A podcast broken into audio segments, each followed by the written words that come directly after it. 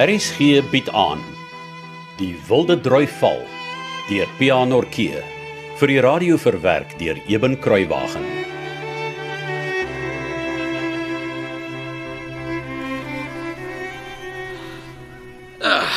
En toe juffrou Flossie, wat het daar die afgelope tyd in jou klas gebeur wat interessant is?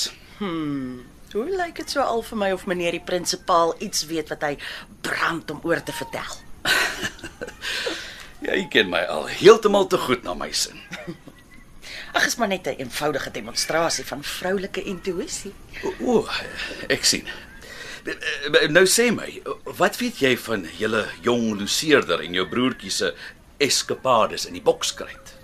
O, moet net nie vir my sê die regter voorhand of die linker oorveeg of wat sou dit ook al was het in die klas opgeduik nie. so jy weet daarvan. Jong, niemand praat juist daaroor in ons huis nie, maar almal weet daarvan. My pa het ons dood voor die oë gesweer as ons voor Hans daaroor sou durf praat. Ek moet erken, ek het probeer uitvind hoekom omtrent al die seuns in my klas om een of ander rede so begeesterd is oor wat gebeur het. Maar ek kon nie mooi agterkom hoe die vark in die hef steek nie. Praat die kinders in jou klas ook daaroor? Nie so ver ek kon agterkom nie. Hoe het jy daarvan te hore gekom? Wel, dit het eintlik heel toevallig opgeduik om die waarheid te sê. Hoe so? Ek het gedink ek moet dalk 'n bietjie begin voorbrand maak vir die skoolkonsert, jy weet. Nou verstaan ek nie. Hoe bring voorbrand maak vir die skoolkonsert jou by Robert en Hans se bokseskapades uit? Wel, ek wou sommer sien wat die kinders self sou wou doen in die verskeidenheidsdeel van die konsert of waarna hulle sou wou kyk. Baie goeie idee. Hoe het jy uitgevind waarvan hulle sou hou? Ek het hulle gevra om vir my 'n lysie te maak van oorspronklike idees. Op sigself ook 'n baie oorspronklike idee, meneer die prinsipaal. Nee, maar baie dankie, juffrou Flossie. maar ehm um, nou weet ek nog steeds nie waar pas die boksaffære in die prentjie nie. Geduld, juffrou Flossie, geduld. Een van die kinders het in groot hoofletters net een voorstel neergeskryf. Boksgeveg tussen Robert Campbell en Hans ter Blans. Ek het die kinders se lysies bymekaar gemaak en hardop voorgeles en hier en daar was daar 'n bietjie van 'n reaksie. Maar toe ek lees van die boksgeveg, het Piet Stroebel sommer hardop hoor hoor uitgeroep. Ek hoor hom al. Ek het die seuns nog nooit so entoesiasties gehoor reageer nie. En die twee wat moet boks? Ja, meer verbaas of geskok dalk. Ek's nie heeltemal seker nie. Ek glo nie hulle het so iets verwag. En Hans? Hoe het hy vir jou gelyk? Beslis nader aan geskok as verbaas. Eh, En Robert weer meer verbaas as geskok. Hoekom lyk jy so besorg oor Hans? Hy's 'n baie sensitiewe kind, jy weet. Ja, ja, hy is. En ek dink hy neem eh, wat ook al gebeur het Vrydag aand in Bani Zilberg se winkel baie persoonlik op. Dink jy dan ek moet die boksgeveg liewers nie oorweeg nie? Nee, ek sou Hans sommer reguit gevra het as ek jy was. Maar gee dit kans tot na die naweek. Hy en Robert sal ook nog praat daaroor. Ek is seker daarvan. As hy vandag vir jou geskok gelyk het, voel hy teen volgende week dalk al heel anders. Ja, nou dis waar. Dankie. Dit klink na goeie raad. En uh, hoe voel jy oor die idee dat die seuns boks in die konsert? Maar ek ek weet nie. Ek kan nie sê ek's juis 'n voorstander van sulke goed nie, maar as die kinders in die gemeenskap opgewonde is daaroor, sal dit dalk help om al die seuns opgewonde te maak oor die konsert. Ja, ja, wie weet. Ek is self ook nie juis 'n aanhanger van hierdie barbaarse sportsoort nie. Hoe hulle dit sport kan noem, gaan my verstand te bowe. O, oh, ja, myne ook. Ehm um, meneer die prinsipaal, Ja, juffrou Flossie. ek ehm um, ag ek moet bieg. O genade, wat het jy gedoen, juffrou Flossie? Ek uh, ek het Hans en Robert 'n bietjie bang gepraat. Praat ons nou nog van die boks? Nee. Maar dit gaan oor die konsert. Wat het jy gedoen? Ek gedink dit sal dalk 'n goeie idee wees as Hans en Robert die seuns 'n bietjie aanmoedig om aan die konsert deel te neem. Maar dis 'n wonderlike idee. Hoekom lyk jy dan so bekommerd? Want ek het vir hulle 'n wolhaar storie vertel. O. Oh, wat? Dat Ag, moenie vir my kwaad wees nie asseblief. Ek het dit goed bedoel, maar maar nou se ek ek is skaam daaroor. Wat het jy vir die seuns gesê? Dat jy almal baie fyn gaan dophou. En as hulle nie wil deelneem aan die konsert nie, gaan jy die konsert vir punte laat tel. En as hulle baie swak punte kry vir die konsert, kan jy hulle laat druip. Het jy dit vir Hans en Robert gesê? Wel, ja. En hulle het jou geglo. O, ja, hulle is doodsbenoud. Ek hoor net oor die naweek nog hoe sê Robert vir Hans hy bekommer om mors dood oor die konsert. Jy weet natuurlik, ek mag nie kinders laat druip oor 'n skoolkonsert nie, né? Ja, ja, natuurlik, meneer. Maar hulle hoef dit nie te weet nie. Juffrou Flossie, jy is 'n juweel. Ek wens Ja, meneer die prinsipaal. nee, ek eh, ek wens sommer 'n dit is al tyd vir die konsert.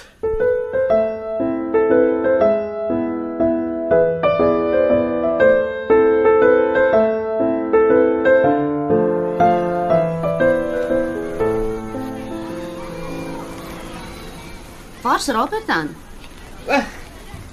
Nou nie. Ek uh, ek het jou nie nog gesien nie. Nee, dis mos sy beurt om die swart bord skoon te maak en die vensters te grendel vandag. O ja, ek het vergeet. Hy sal seker nou-nou hier wees. Dag jy vir hom? Nee, uh ek het maar net seker gemaak ek het alles in my boeksak gesit vir ons huiswerk vanmôre. O, Gaan jy en Robert regtig boks in die konsert? Weet nie. Uh, jy moenie skaam wees omdat jy Vrydag aand teen hom verloor het nie. Hy en hom Bani boks al lank te mekaar. Ek sê skaam nie. Jy het bloedrooi gebloos vanoggend in die klas. Nee, ek het nie. Jy het. Maar ek wil net vir jou sê, ehm um, jy hoef nie skaam te wees nie en jy moenie wa Ek moet gaan. Wag. Nou nie. Wa- Wat wil jy sê? En nou? Wat wou sy gehad het? Nee, niks. Sy het sommer iets in haar boeksak gesoek. O. Nou kom hy sy gesig dan so rooi? Hy's geen rooi nie man. Hy is. Man, dis vrek warm hier in die son. O, ek sien. Kry jou fiets ry ons.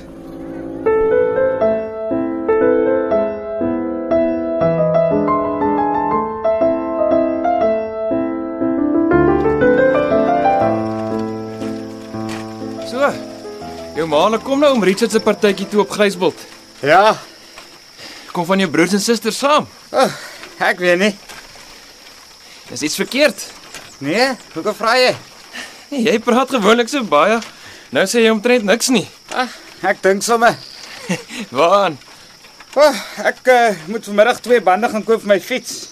Hierdie twee is al gedaan verby. ja, nee jong. Ek kan nie eens daarmee stry nie. Hoe voel jy as jy naby LB is? Wat bedoel jy? Hoe moet ek voel? Nee. Ek bedoel maar. Voel dit vir jou jy kan nie praat as jy by haar staan nie. En eh, en jy kan nie vir haar kyk nie. En as jy haar gesien het of dalk met haar gepraat het dan kry jy haar nie maklik uit jou kop. O, of bly sy in jou kop? Dat jy aan niks anders kan dink nie. Ek weet nie. Hoekom vra jy? Ag, sommer maar net. Wag 'n bietjie. jy praat van jouself. Wat? Jy hou van Nonnie, né? Nee? Is geen ek vra sommer maar Omdat wat? omdat my suster Gertie gesê het dat dis hoe mens voel as jy van iemand hou. En, en ek het haar gesê ek sal tog nooit in my lewe so 'n ou meisiekind voel nie. Jeg. Nee, wat? As dit is so 'n mens moet voel as jy van 'n meisiekind hou, dan het ek sowaar nog nooit van een gehou nie het jy al? Net vir simpel hou nie.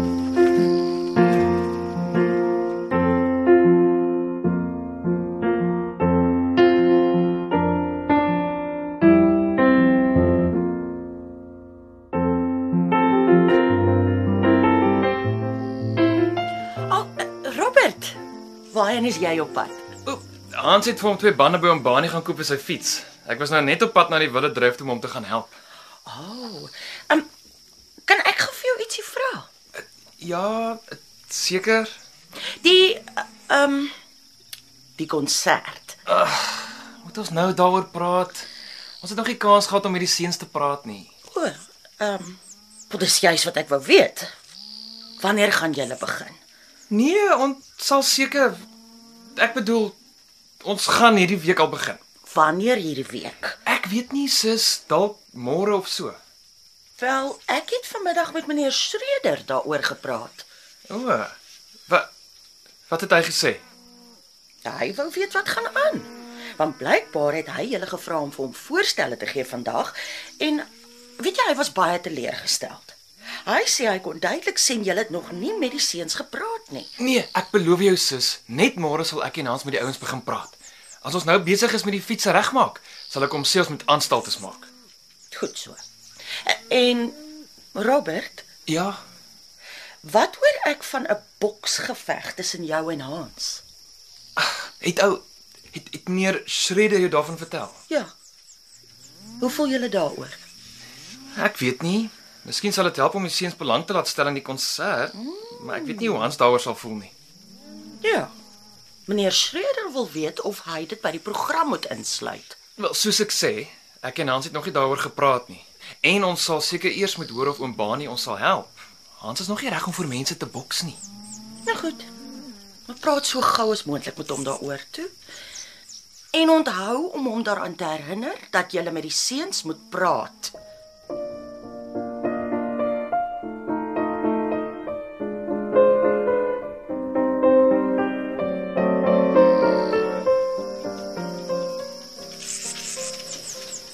Ja, dan sal ons seker maar met die ouens moet begin praat môre. Ek het nie geweet Kosie is so haastig nie. Nee, ek moet sê, ek ook nie. En ehm um, hoe voel jy oor die boksstorie Hans? Wil jy? Ek weet nie. Sal hom Bani ons wil help na wat ons Vrydag aand aangevang het.